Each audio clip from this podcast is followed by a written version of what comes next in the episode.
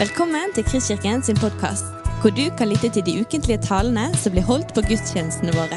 Vi håper denne podkasten vil inspirere og utfordre deg til å kjenne Gud, elske mennesker og tjene vår verden.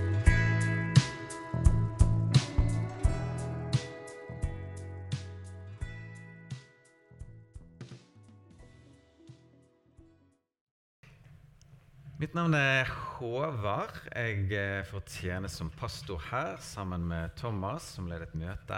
Jeg er gift med Elisabeth, har eh, tre barn på to, fire og seks år, som eh, ja, farter rundt omkring her første halvtimen. Eh, akkurat det er jo en av de tingene som virkelig kjennetegner denne forsamlingen. For de som er litt eh, ny her, det er at vi har veldig sans for dette med generasjonene sammen. Vi har så tro på det, og vi har så lyst å gjøre alt vi kan, alt som står i vår makt, for at Krisken kan få være et sted der generasjonene er sammen om å følge Jesus og eh, bøye seg for Gud. Jeg opplever i hvert fall det, at det er et enormt privilegium for eh, vårt hus, for meg og min kone, å få være en eh, et sted der eh, generasjonene sammen verdsettes, sånn som det gjør her. Jeg tror det er godt, og jeg tror det er bibelsk. Generasjonene sammen er et eh, veldig sentralt element i Skriften. Gud siteres ofte, særlig i Gamle testamentet, på at eh, 'jeg er Abrahams, Isaks og Jakobs Gud', en tregenerasjons Gud. Og Her ligger det dype relasjonelle aspekter som man kunne dykket vel og lenge i, og som jeg er en av de som liker å boltre meg i. Generasjonene sammen, amen. Men her er det òg et dypere aspekt, et dypere poeng, som handler om overlevering. Alle mine besteforeldre de levde og døde i tro til Gud. Så dette har jeg nærkontakt med fra egen familie, hvordan eh, ting kan overleveres i generasjoner. Min mormor hun eh, fortalte det at i 1974, i en alder av 49 eh, år, så fikk hun et møte med Jesus som forvandlet hennes liv. Når hun eh, seinere skulle beskrive hva som skjedde, så sa hun at eh, der og da så gikk det opp for hun på en annen måte enn noen gang før. At hun ikke trengte å strekke seg etter Gud, men at Gud strakk seg ut etter hun. Og når hun så det, sa hun, da var liksom ikke dette noe å velge. Det var noe å ta imot. Det var noe å akseptere. Det var noe å omfavne. Hun er sitert på dette at eh, da var det bare for meg å kapitulere og ikke sitte der og gjøre meg kostbar. Guds nåde fant veien. Så er det få, kanskje ingen, som har næret min eh, tro så mye som min mor, som er her i dag. Og eh, det er jo da mormor sin datter, for de som trengte den opplysningen. Jeg kjenner meg derfor godt igjen da, i dette ordet som Paulus sier til den unge Timoteus. Jeg er blitt minnet om din oppriktige tro som bodde først i din mormor Louise og i din mor Eunike, og som jeg er viss på også bor i deg. En tro som går i generasjoner. Så i tillegg til takknemlighet for lokalmenighetens fokus på generasjoner, så lever jeg i takk for at min familie har overlevert ordet til meg om Jesus Kristus og han korsfestet. Men når vi taler om tro i generasjoner,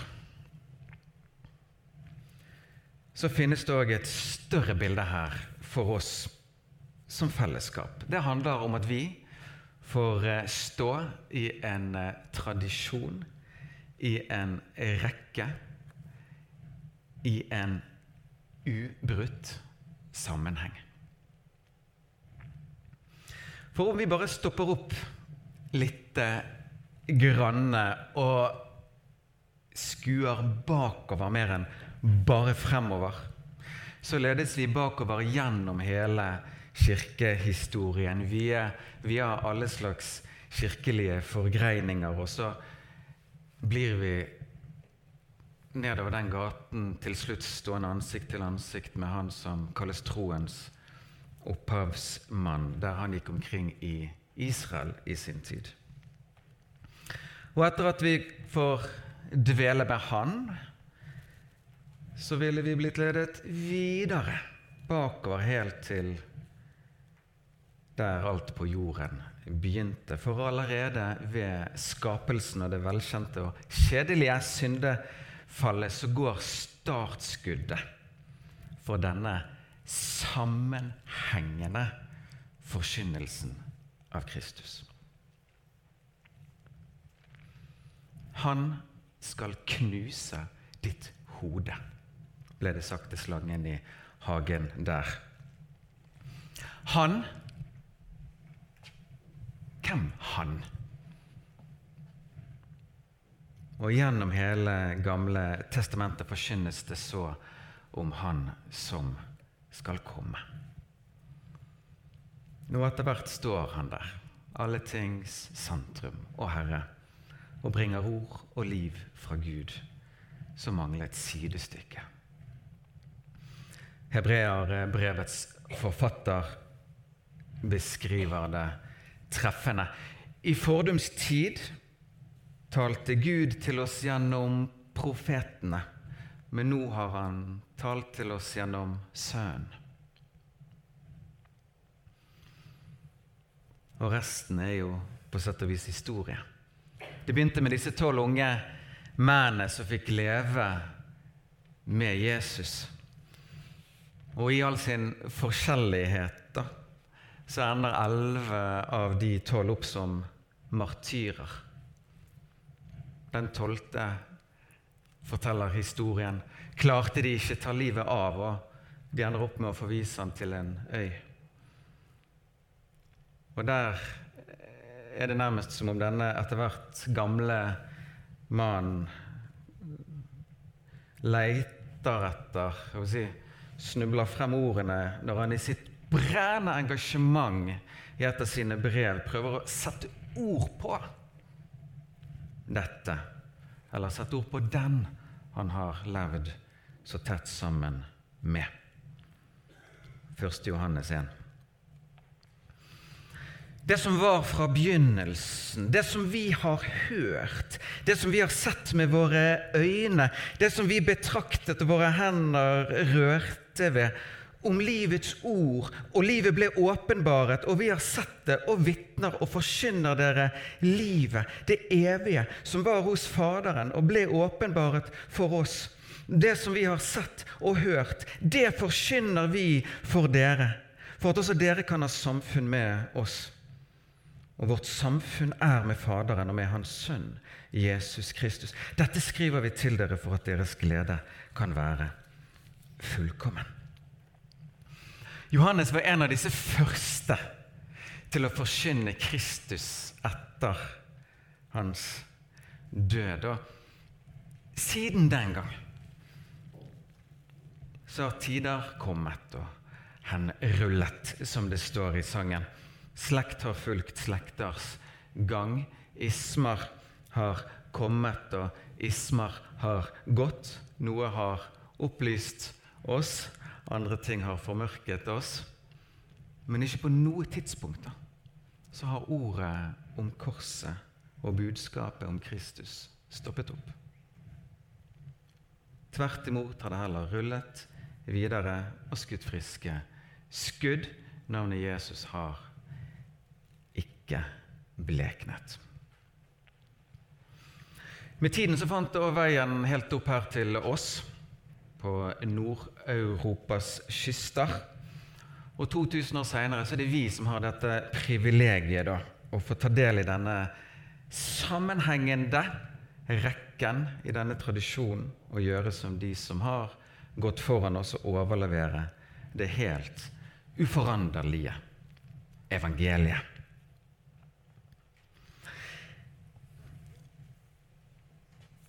En observasjon da, jeg har gjort meg opp igjennom etter deltakelse på ganske mange ulike bønnemøter, det er det at eh, det bibelverset som kanskje siteres aller oftest på bønnemøter, det er Se, jeg gjør noe nytt. Kanskje noen kan kjenne seg litt igjen. Og det er ingenting galt med det. Selv om jeg iblant skal innrømme at jeg har lurt på om det er Gud som sier det hver gang, eller om det er den som ber, som aller helst ønsker det. Men ok, at Gud liker nyskaping, det er jo helt udiskutabelt. Det er jo bare å se på klodens daglige fødselstall. Det skjer en enorm produksjon hver dag av eh, nye skapninger som Gud står bak. Men personlig, da, så finner jeg det mer og mer befriende òg at det er mye i Guds rike som står fast. Mer enn at alt hele tiden skal være så veldig nytt.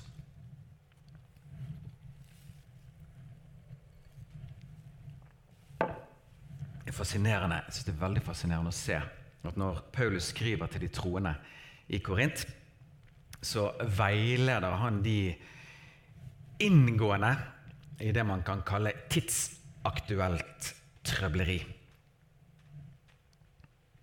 Bruker masse tid på det.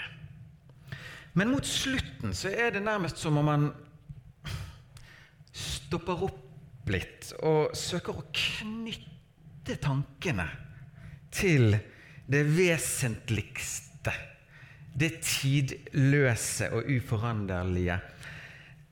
Jeg leser fra første kor 15.1.4. Jeg kunngjør dere, brødre, det evangelium jeg forkynte for dere. Med andre ord, jeg vil si til dere det jeg har sagt til dere.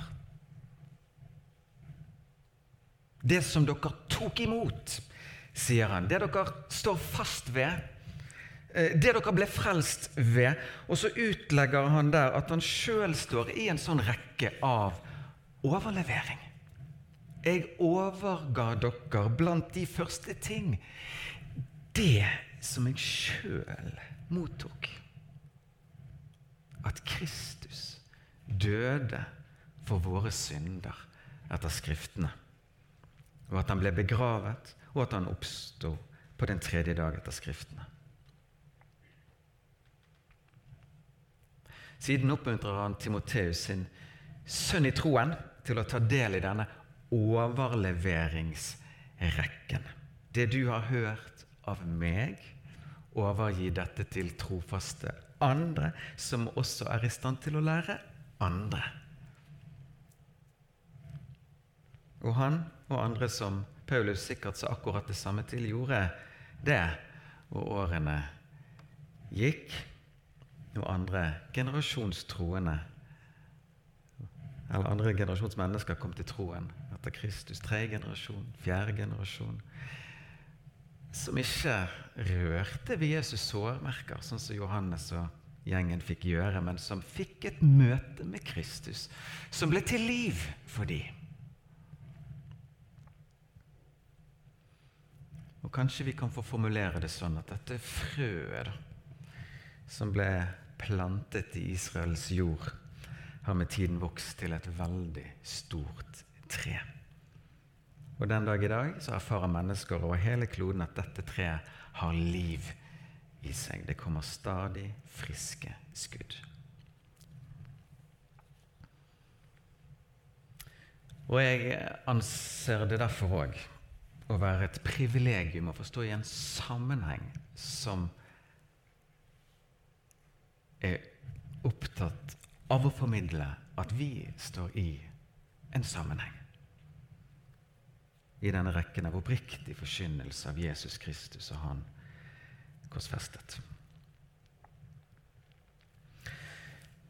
Men så er det jo sånn, da, kjære venner, at eh, vi og alle andre forgreininger på dette store treet, vi har litt mer til felles med menigheten i Korint enn eh, vi kanskje liker. Vi har mer til felles med de enn grunnvoll vi alle bygger på. Vi har det til felles at vi, som de, kun ser bruddstykker av dette store vi er gitt del i. Paulus skriver jo nettopp til menigheten i Korint at vi forstår og vi kjenner stykkevis. Og dette delvise og ufullkomne er noe av det vanskeligste og samtidig potensielt fineste med det kristne fellesskapet. Vi har flere ganger fra denne talerstolen belyst den vanskelige siden ved dette at når Jesus kaller sine disipler til seg 'følg meg', så kaller han de ikke bare til seg, men samtidig til fellesskap med hverandre.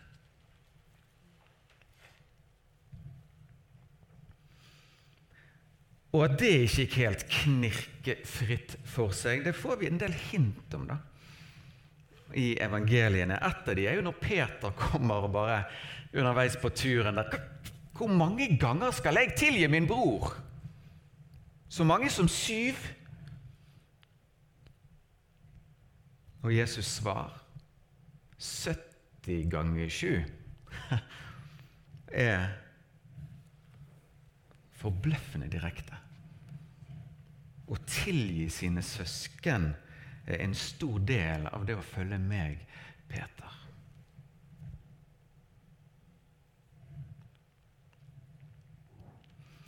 Ofte hører jeg dette at mange liker Jesus, men ikke kirken hans. Om dette er det mye å si, så mye forståelse å gi. Og Sånne ting fordrer ofte mange og lange samtaler. Som tidligere ungdomsleder her er jeg ofte i de, senest i går.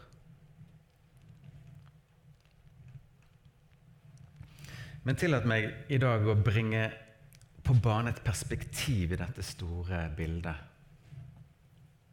Kirken er ikke bare mitt reisefølge. Kirken er òg Kristi kropp på jorden. Og i det lys, da Hvis man skrur på det lyset så ligger et sånt utsagn. Jeg liker Jesus, men ikke Kirken. Litt tett opptil at min kone sier til meg at hun er glad i meg, men ikke i kroppen min.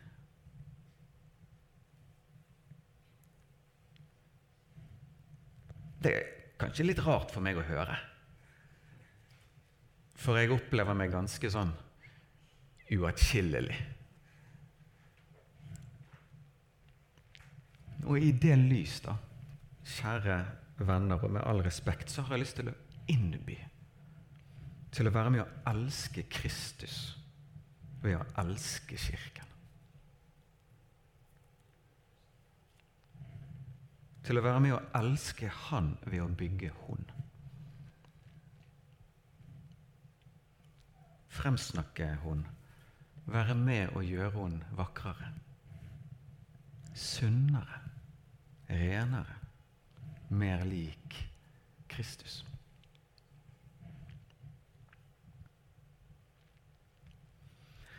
I år så går vi gjennom eh, Markusevangeliet her i Kristkirken. Og for de som har hengt med, så har man gjerne fått med seg at de siste månedene så er det blitt snakket veldig mye om synet.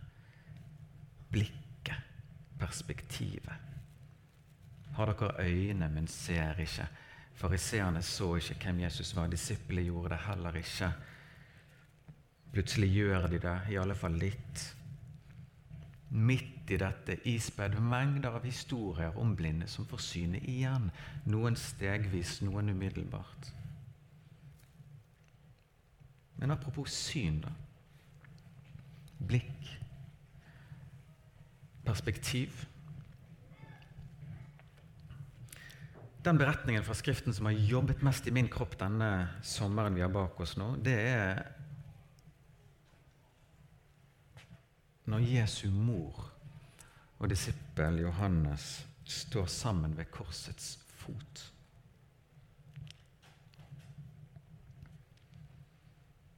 Da står det at Jesus fra korset der så sin mor og Johannes, og han sier til Maria, 'Se, det er din sønn.' Og til Johannes, 'Se, det er din mor'.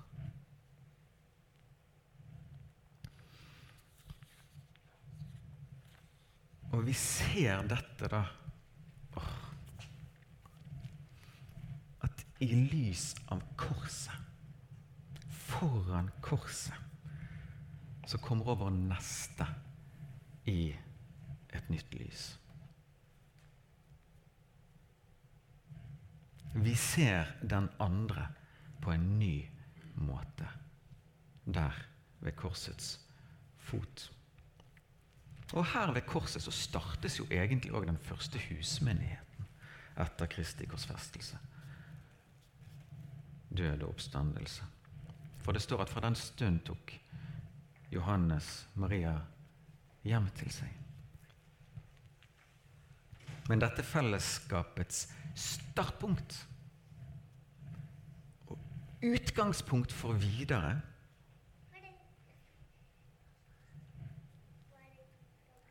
det var korset. Der ingen av de kunne rose seg, der ingen av de kunne hevde seg. Og Der foran korset blir sånne ord som mestring, mestringsfølelse, få det til. Det blir et av fremmedordene. Det handler ikke om det.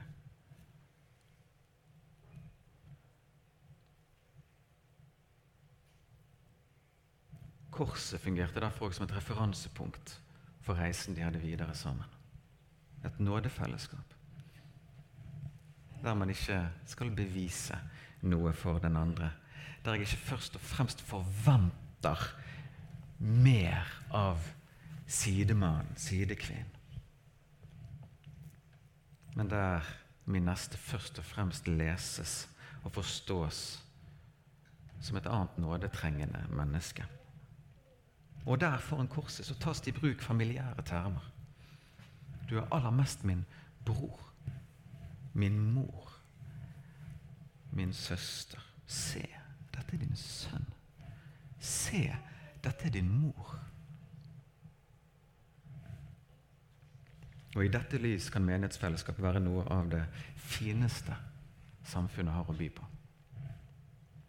Ikke først og fremst levere, leve opp til, sammenligne oss med men blir lest, sett og forstått som en bror, søster, som er her fordi man har nærkontakt med egen synd og trenger en frelser. Derfor er det mange som tar til orde for at det finnes ikke noe bedre møtested, eller noe slags mer primært møtested for et kristent fellesskap enn rundt nattverdsbordet. Der kommer vi fram uten noe med oss. Med tomme hender tar vi imot. Du, eh, Mange av dere vet at jeg er litt ekstra glad i fotball. Det er nå bare sånn det er blitt. Helt siden jeg var tre år. Og, ja, bilder av en ball der og Prøvde å bli profesjonell fotballspiller, det skjedde ikke, osv. Men når dette programmet Heia Tufte oppsto i 2005, som kanskje mange av dere eh, har vært borti.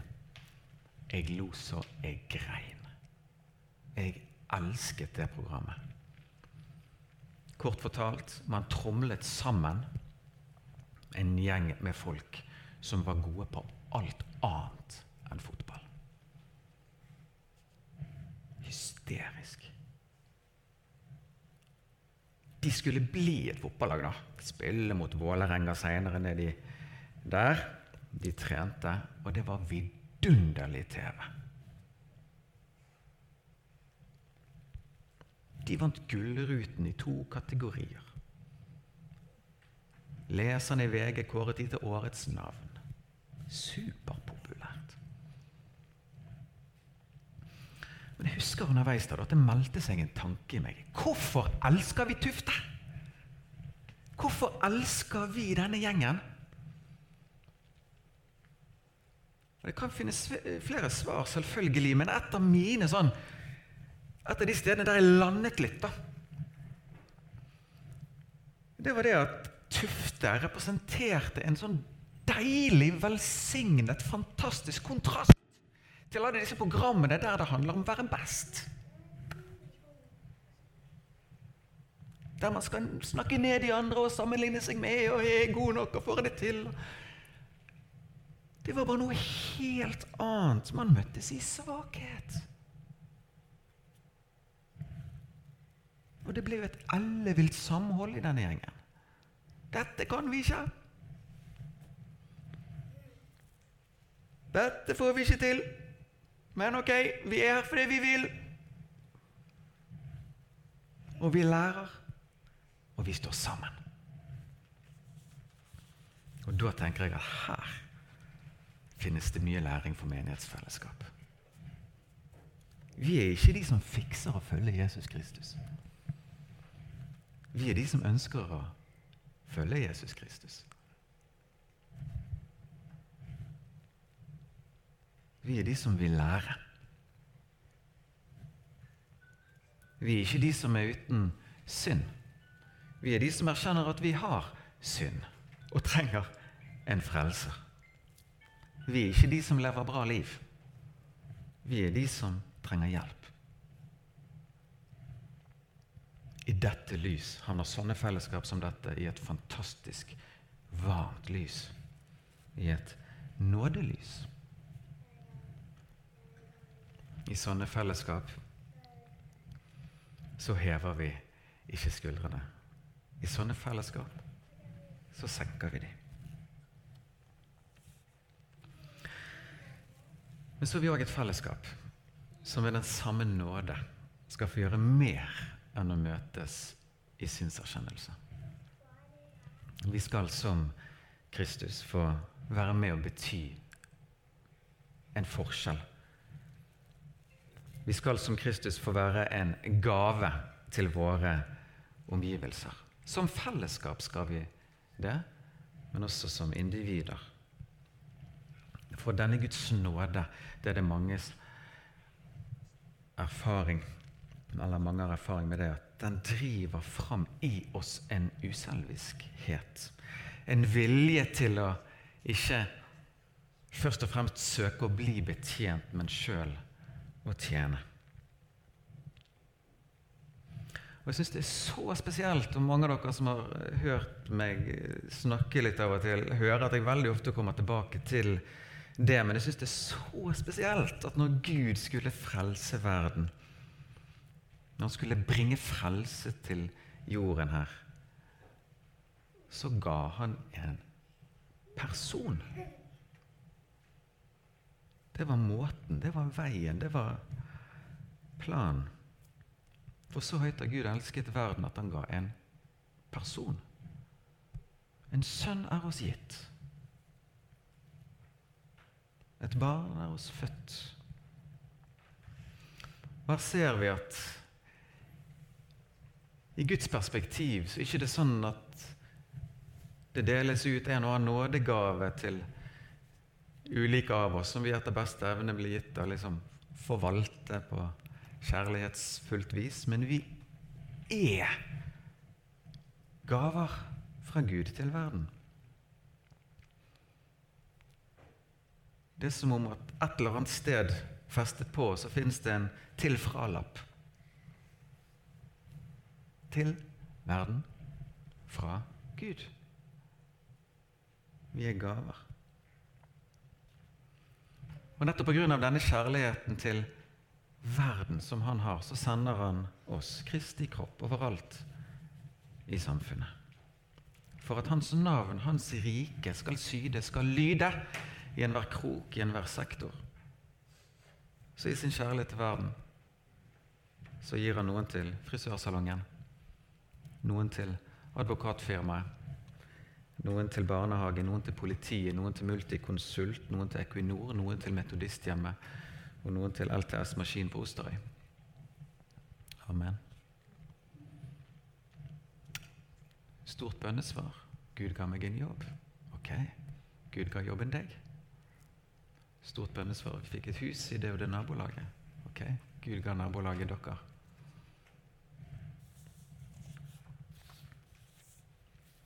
Kristkirken er derfor representert overalt i samfunnet hver dag og være med å utbre Guds rike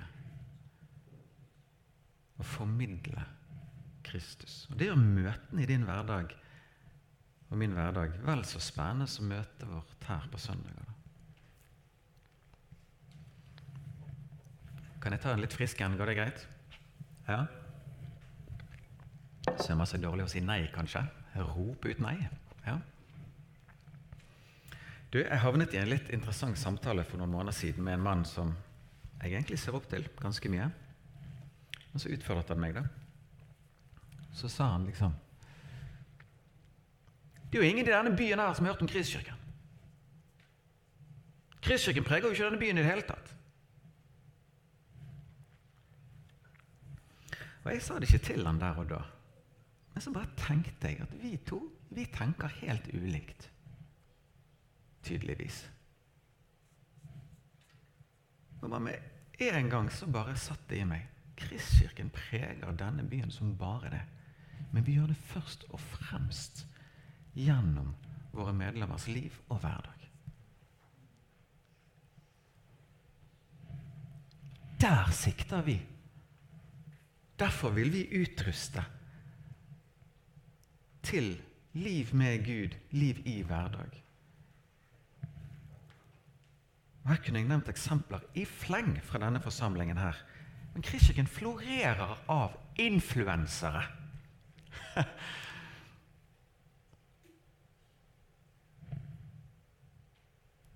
Der du er, der er Kristkirken. Eller enda dypere, der du er, der er Kristi kropp. Eller enda dypere, der du er, der er Kristus. Maria og Johannes sto med tomme hender og tok imot fra Gud ved korsets fot. De så seg sjøl på en ny måte. I lys av korset så de hverandre òg på en ny måte. Og ved korsets fot ble de begge utsatt til sin hverdag, der de ved Guds nåde skulle fortjene hverandre og andre. Dette som et forbilde for oss. Med tomme hender står vi der foran korset, med lite annet å gi enn vår synd. Og vår synd vil han ha. Han er vel den eneste som vil ha han, skal vi være ærlige. Men så sa det så bra at vår synd er det eneste vi kan gi Gud som vi ikke først har fått fra han.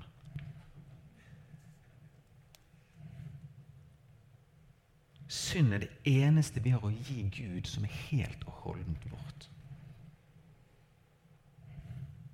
Derfor ligger det både tillit og tilbedelse i det å frembringe vår synd for Han. Og der ved korset møter vi Guds nåde. Vi ser oss sjøl i et nytt lys. Vi er elsket, vi er tatt imot akkurat sånn som vi er.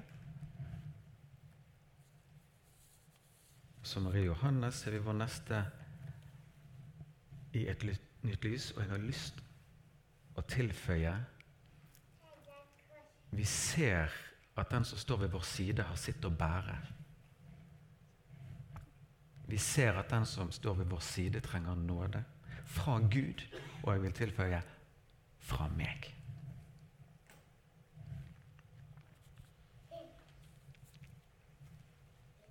Ok.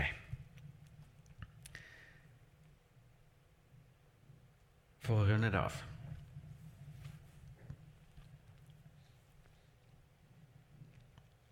så er det sånn at ut fra nåderelasjonen med Gud så endres vårt hjerte. Mange opplever at det vokser frem en ny type kjærlighet. Og kjærligheten, da, den har det ved seg at den søker å tjene. Kjærligheten Det var en som sa kjærligheten er oppfinnsom. Og den er praktisk. Og det er dette mønsteret her som ligger til grunn når vi i Kristkirken sier dette, at vi vil være et fellesskap som kjenner Gud, elsker mennesker og tjener vår verden. Dette mønsteret som vi kan avlese i Jesu eget liv. Følg meg, sa han. I det å kjenne Gud, elske mennesker og tjene verden. For oss er alt dette nåde på en litt annen måte enn i tilfellet med han. Alt sammen. Og så skjenkes vi, kjære venner, i dette en herlig kombinasjon av ydmykhet og frimodighet. For sann nåde, sann nåde, gjør ikke oss duknakket. Sann nåde reiser oss opp. Nåden gir oss ikke et forsiktig og senket blikk. Nåden gir et løftet blikk.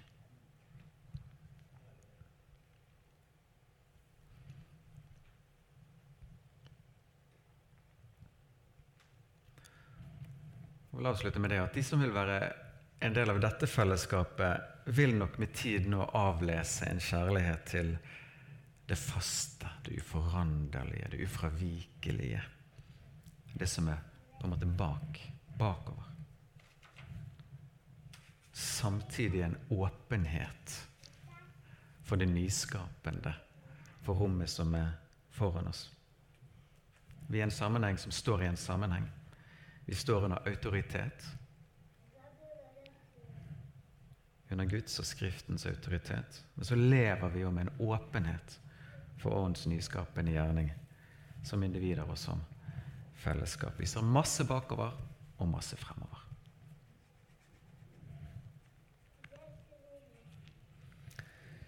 Så det var bønn Gud at dette får bli et år der vi som fellesskap, som individer, får eh, ja, være en viktig, verdifull del i denne sammenhengende rekken. Der vi får eh, overgi ord om korset, formidle, forkynne Kristus til folk som igjen kan gi det videre til enda flere.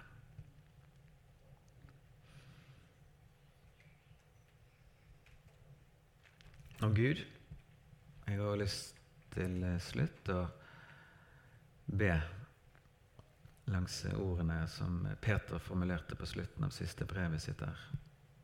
Der han eh, skriver om å få vokse i nåde og kjennskap til Jesus Kristus. For Kristus, skrev Peter, tilhører æren nå og til evighetens dag. Amen. Du har lyttet til en podkast fra Kristkirken i Bergen. Vi håper du har blitt inspirert og utfordret i din vandring med Gud. Vil du vite mer om oss, så klikk deg inn på kristkirken.no.